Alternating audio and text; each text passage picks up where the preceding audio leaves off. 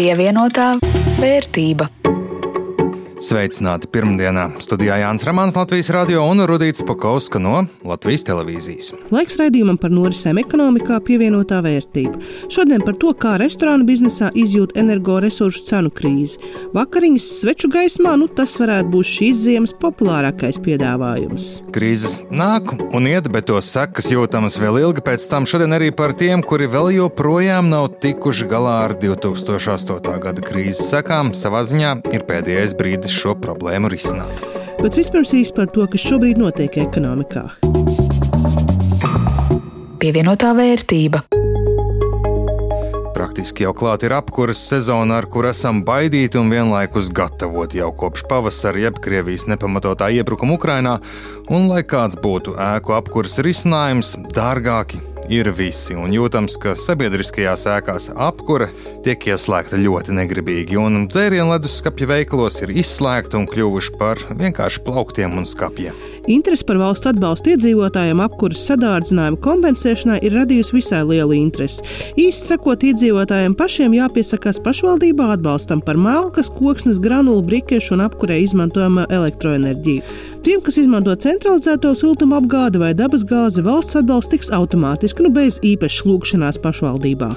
Jau pirmajās dienās atbalstam apkurē pieteicās gandrīz 19,000 cilvēku. Visbiežāk atbalstam par malku, kas iegādāta bez čeka. Piesakoties šim atbalstam, iespējams saņemt vienreizēju kompensāciju 60 eiro apmērā. Tas bez čeka droši vien labi norāda arī uz to, cik būtisks ir ēna ekonomikas apjoms šai nozarē. Tas gan nu nekāds pārsteigums īsti nevienam nav. Elektrības cenas biržā gan nebeidz pārsteigt. Šoreiz gan pozitīvā ziņā, jo pēdējās nedēļas laikā vairākās naktas stundās tā nokritusies pat zem 10 centiem par megawattstundu. Tagad tiešām megawattstundu tu nesajauc ar kilovattstundu?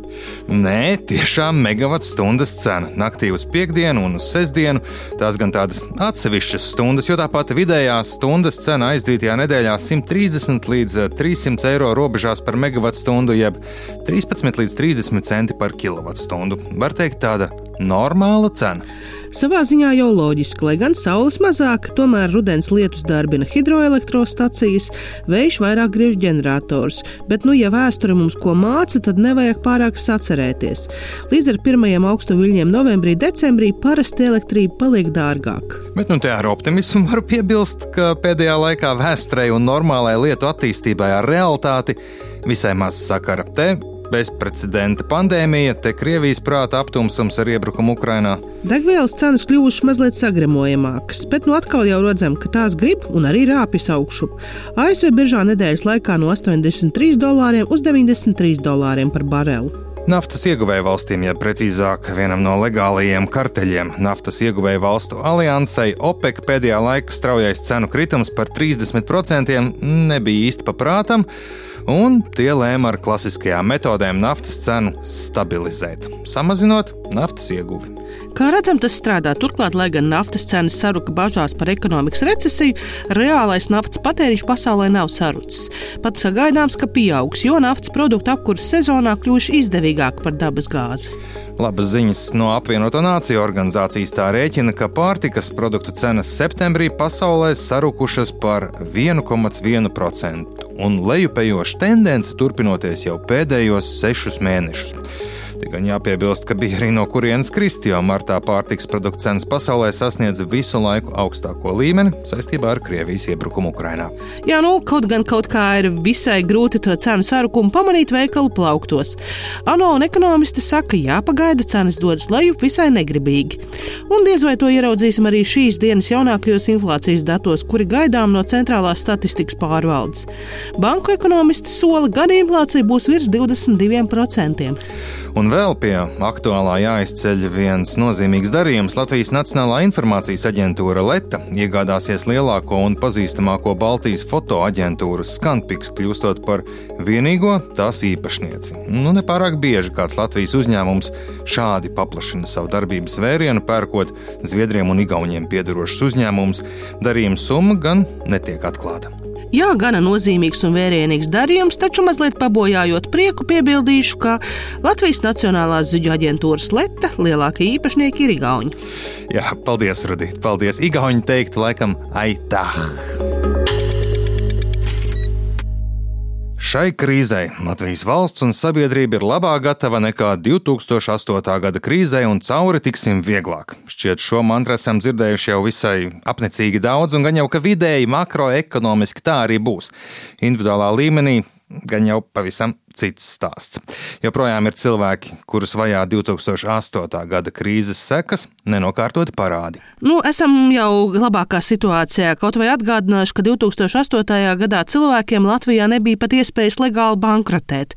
Turklāt pret šādu iespēju pārliecinoši turējās tā laika Latvijas bankas prezidents Ilmārs Rimšēvits.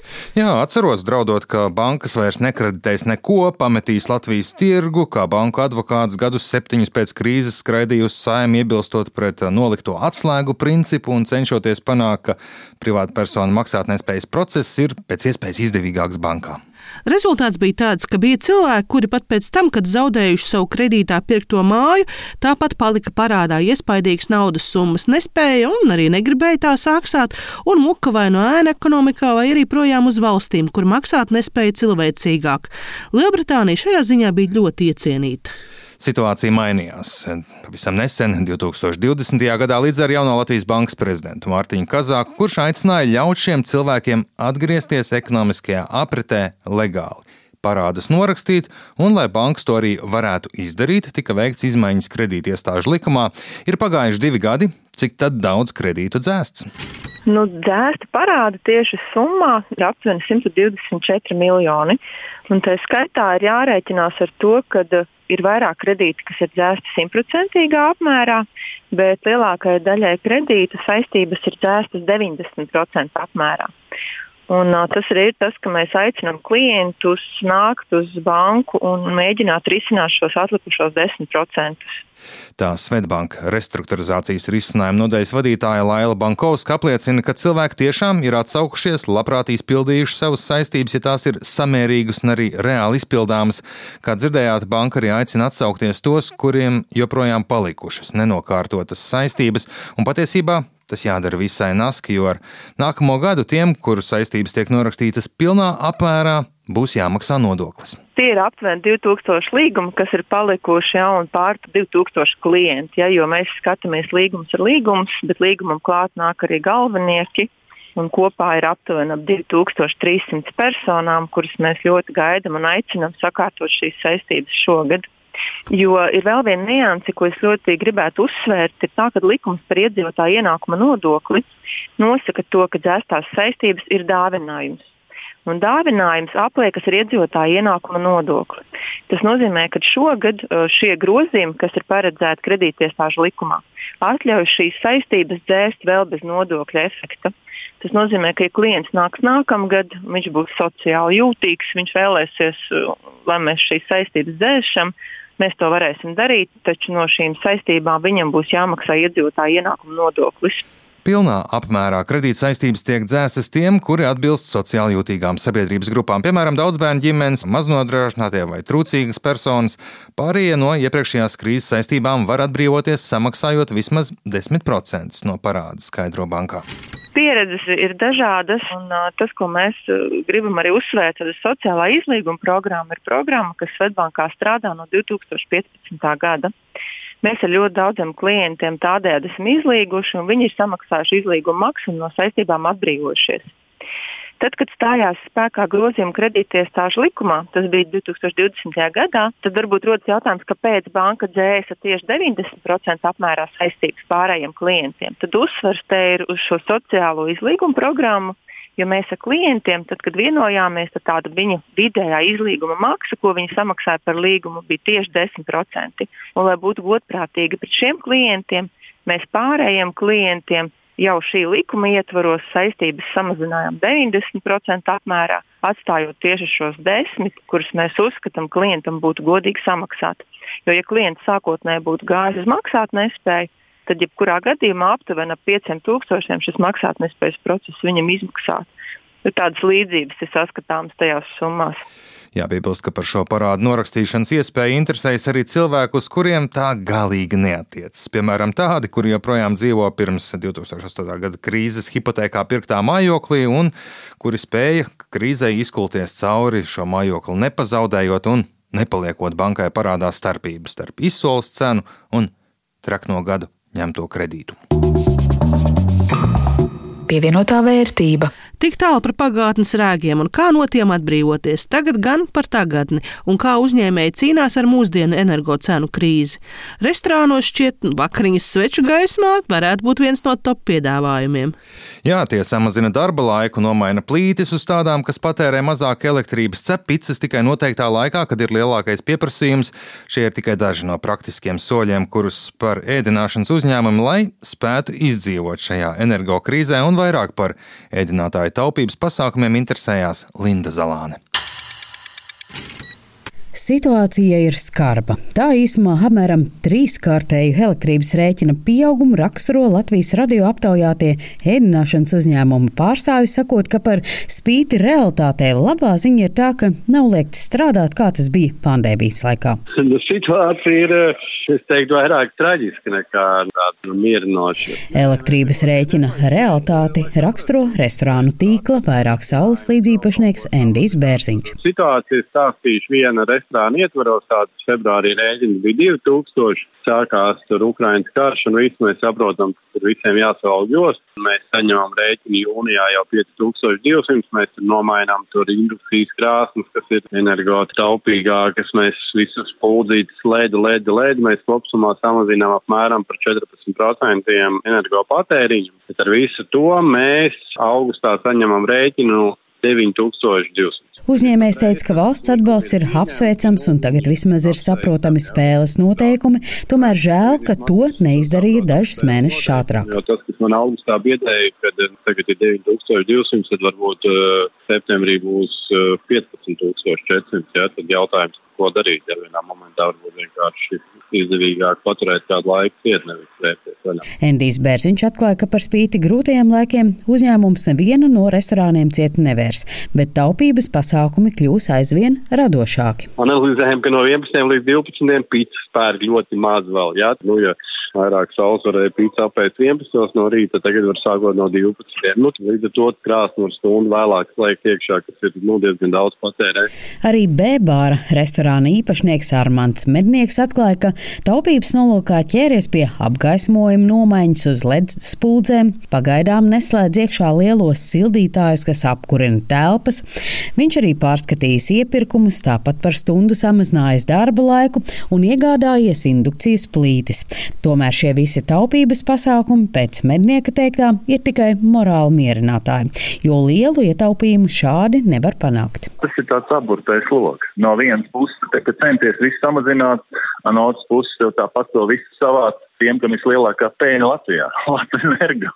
Latvijas gāzi. Armāns Mednieks teica, ka šos laikus daudz ēdinātāji nepārdzīvos, un tas ir laika jautājums, kad tie izlems durvis slēgt. Rentabilitāte, ja mēs reiķinām, tad viņi aptuveni ir 5-6%. Eh, Saņemot elektrības rēķinu reiz trīs tiem, kam ir uh, biržas cena, šī summa nolēda visu pēļu un uzņēmums iet zaudējumos. Cik viņš ilgi var izturēt, tas ir atkarīgs no viņa uzkrājumiem. Savukārt pēc krīzes, kad tie uzkrājumi nav, Un lielākai daļai patiesībā, es nezinu, ir 3-4 mēneši, lai viņi izdzīvotu. Nu, jo ātrāk viņi aizvērsies, jo labāk, jo mazāk zaudējumu būs. Restorāna 36. līnijas šefpavārs un līdzīpašnieks Lauris Aleksējos stāsta, ka restorānā elektrības rēķins pieaudzis no 4000 līdz 12,5 tūkstošiem eiro mēnesī. Mēs nespējām tik ātri pacelt cenas, un tas, laikam, būtu arī ļoti šokējoši un neadekvāti, cik ātri tika paceltas cenas tieši energoresursiem. Kā var sagatavoties ziemai visdrīzāk iespējams, ka daļa no mūsu kolēģiem, varbūt arī mēs, strādāsim nevis septiņas dienas, bet uh, piecas dienas, varbūt nevis desmit vai vienpadsmit stundas, bet uh, astoņas stundas tiks sašaurināts piedāvājums. Nu, šobrīd salīdzinoši efektīvi ir uh, balonu gāze. Mums vienkārši visiem kopīgi uh, jātiek tam pāri. Arī vairāku restorānu un pavāru mājas līgatnē līdzīpašnieks Čepavārs Ēriks Dreibants ir noskaņots optimistiski, sakot, ka vārds uzņēmējs jau pasaka, ka bez cīņas krīzē neviens nepadosies. Katrā gadījumā šīs divas krīzes no Covid un no šīs kara krīzes, nu, tās ir divas dažādas ja mēs Covid krīzē vienkārši nevarējām strādāt Tad tagad jau mēs varam strādāt. Nu, un, ja es varu strādāt, tad tas ir forši. Nu, jā, ir dārgāk, ir tas, šitais. Mēs esam uzņēmēji, mums nevajag baigi ilgu laiku tur ieskrieties, pārdomāt, visu kaut ko. Mēs ātri reaģējam, daramies, strādājam, un varbūt tagad ir mazāka tā peļņa, bet nu, pats galvenais, ka mēs varam strādāt. Jā. Visi aptaujātie restorānu pārstāvji arī atklāja, ka līdz ar energo krīzi nedaudz 2 līdz 5% robežās pacēluši arī savos restorānos maltītes cenas. Linda Zalāne, Latvijas radio. Un vēl raidījuma noslēgumā ilūkosimies, kāda ir bijusi aizvadītā nedēļa Baltijas biržā. Beidzot ir kāpums, plusi Rīga līderos 2,25% kāpums, tā seko Tallinas birža, nedēļas laikā kāpums par 0,67%, bet Viļņa plusos ar 0,53%. Tāda vidējā temperatūra Rudīt, tavā ieguldījuma portfelī šī pēdējā laikā neierastā nedēļa plusos ir kā sataustām? Manā portfelī var teikt, ka bijusi laba nedēļa. Veseli 5 eiro nākuši klāt. Cik šī tendence nu noturīga, to mēs redzēsim, bet šobrīd portfeļa vērtība ir 392 eiro un pārdesmit centi. Kā tev klājies? Manā portfelī, diemžēl, šo tirgus vidējo pozitīvismu nevar ieraudzīt. Lai gan, ja iepriekš vidējā nedēļā es zaudēju pa 2-3 eiro, tad šonadēļ tikai 50 centi mīnusā. Tā kā laikam jau ir mazliet labāk. Kopējais biezums joprojām 407 eiro. Ar to arī skan raidījums pievienotā vērtība. To jums gatavoja Jānis Ramans no Latvijas radio un Rudīts Pakausk no Latvijas televīzijas par skaņas kvalitāti rūp turēja Renārs Šteimanis. Uz tikšanos pēc nedēļas!